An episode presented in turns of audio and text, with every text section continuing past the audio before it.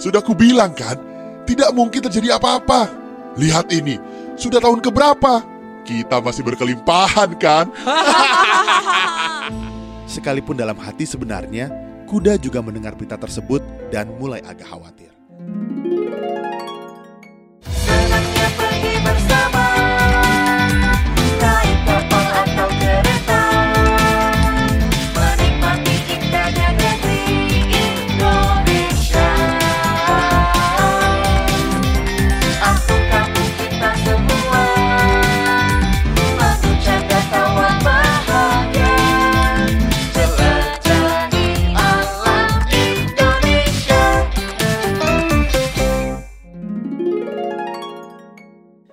Halo adik-adik, apa kabar semuanya? Kali ini Kak Budi akan bercerita tentang si kancil. Tapi bukan kancil yang mencuri mentimun, tetapi seekor kancil yang bersama sahabatnya si burung pipit mempersiapkan masa depan desanya. Penasaran gak sih gimana kancil dan burung pipit mempersiapkan masa depan? Yuk saksikan bersama episode ini.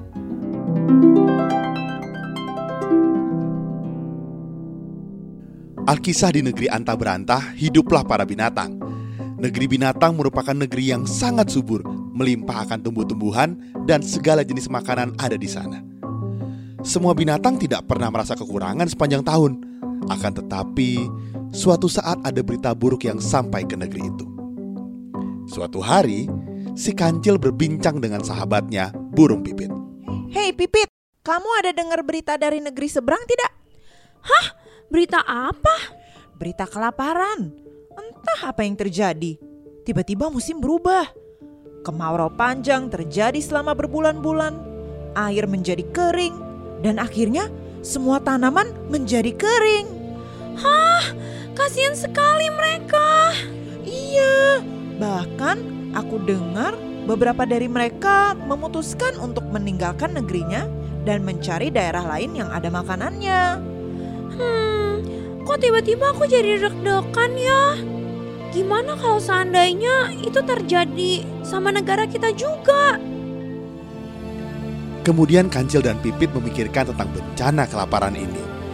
Mereka ada ide untuk mengumpulkan seluruh rakyat binatang untuk membahas masalah kelaparan ini. Hai teman-teman, apakah kalian sudah mendengar tentang kelaparan di negeri seberang? Aku mulai berpikir, jangan-jangan bencana kekeringan itu akan melanda negeri kita juga. Benar teman-teman. Ku dengar beberapa dari mereka sudah meninggalkan negeri mereka untuk mendapatkan makanan.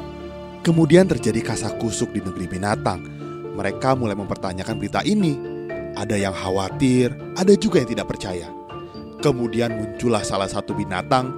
Ia dikenal sebagai salah satu binatang terkuat dan tercepat di negeri itu. Ia adalah kuda. Hei kalian, jangan menakut-nakuti seluruh warga negeri binatang dengan berita-berita miring. Kita sudah hidup di sini selama puluhan tahun. Tidak pernah ada bencana seperti yang kalian ucapkan tadi. Sudah, sudah. Jangan ganggu ketenangan negeri ini. Justru itu kuda.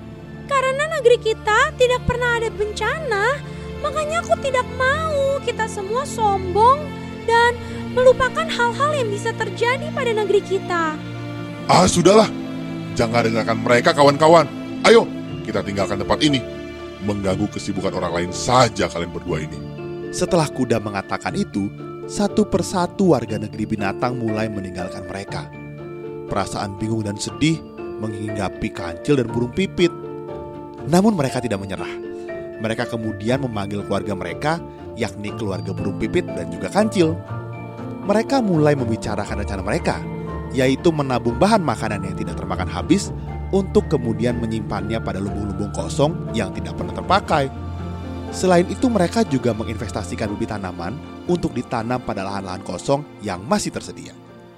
Hari demi hari lahan yang mereka tanami semakin banyak dan tentunya lumbung-lumbung padi yang kosong semakin terisi penuh.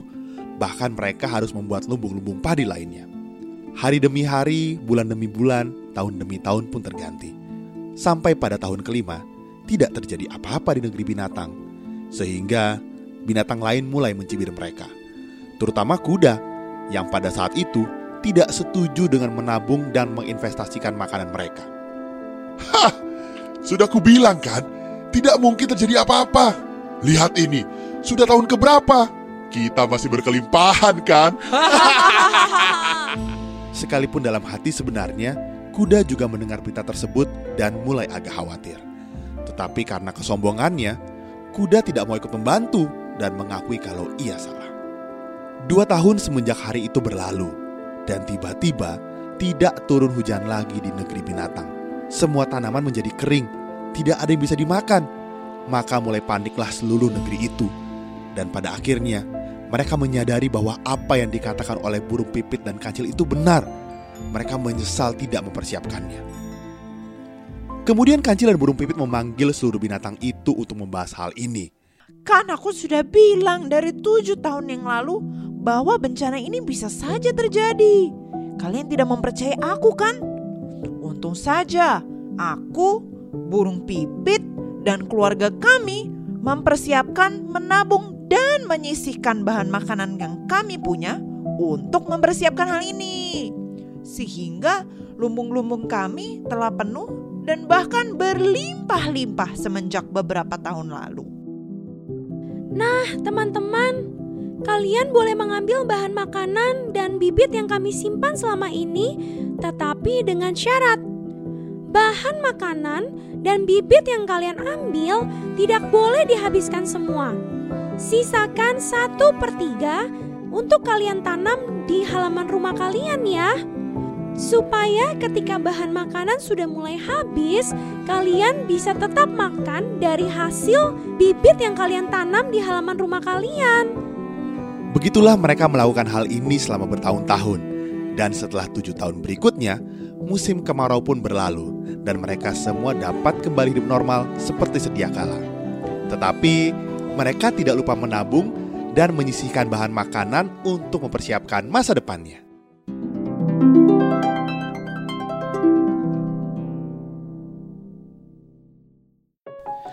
Nah, jadi gitu adik-adik.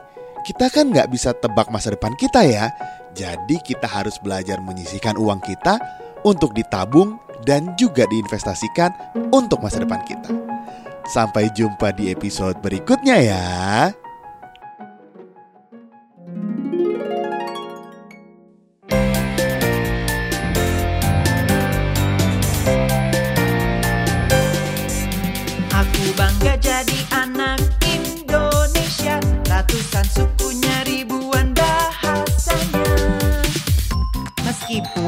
Berasal dari suku yang berbeda, Dan bahasa yang kita pakai juga beragam.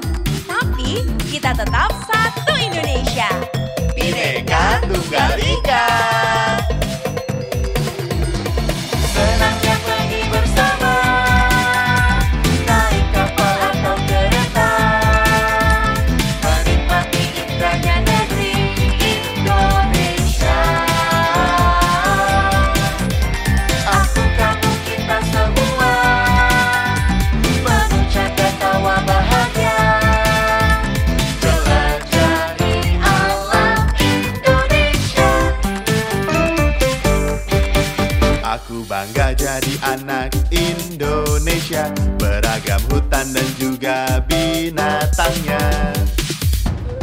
Tahu nggak sih?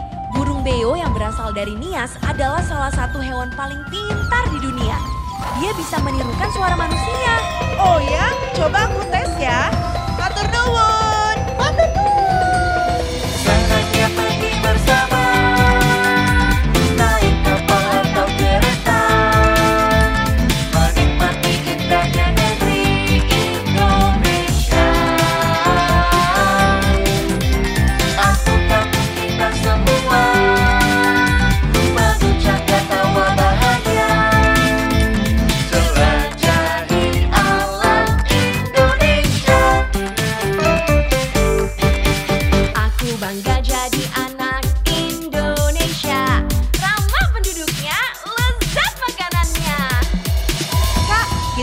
Jajanan pasar yuk. Ayo, kalau yang ini namanya apa ya kak? Ini adalah kue telepon khas dari Jawa Bentuknya bulat dengan tekstur kenyal Diberi taburan kelapa parut dan isi gula jawa cair Pasti enak deh Senangnya pergi bersama